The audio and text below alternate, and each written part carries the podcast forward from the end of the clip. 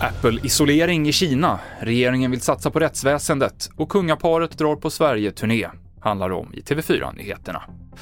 Ja, rättsväsendet ska få nästan 5 miljarder kronor mer under de kommande tre åren enligt regeringens budgetförslag.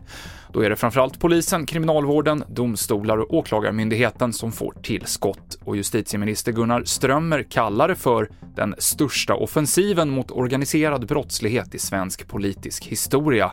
Men det är egentligen inget revolutionerande som görs, menar vår kommentator Ann Tiberg. Sen när jag då tittar igenom hur skrivningarna ser ut i det här underlaget som presenterades samtidigt så ser man att det är ganska mycket business as usual, det vill säga man ger myndigheterna ungefär vad myndigheterna har bett om för att klara sina uppgifter.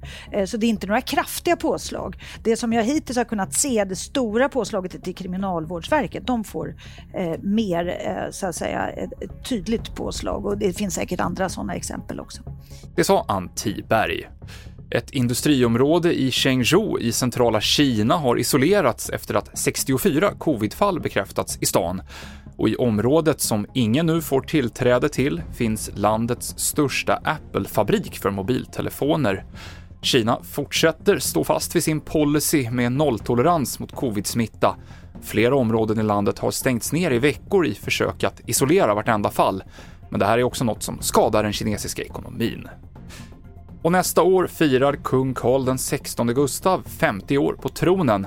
Som en del av firandet så kommer kungen och drottning Silvia genomföra en gemensam resa runt landet. Alla residensstäder i de 21 länen kommer få besök. Först ut är Nyköping i februari.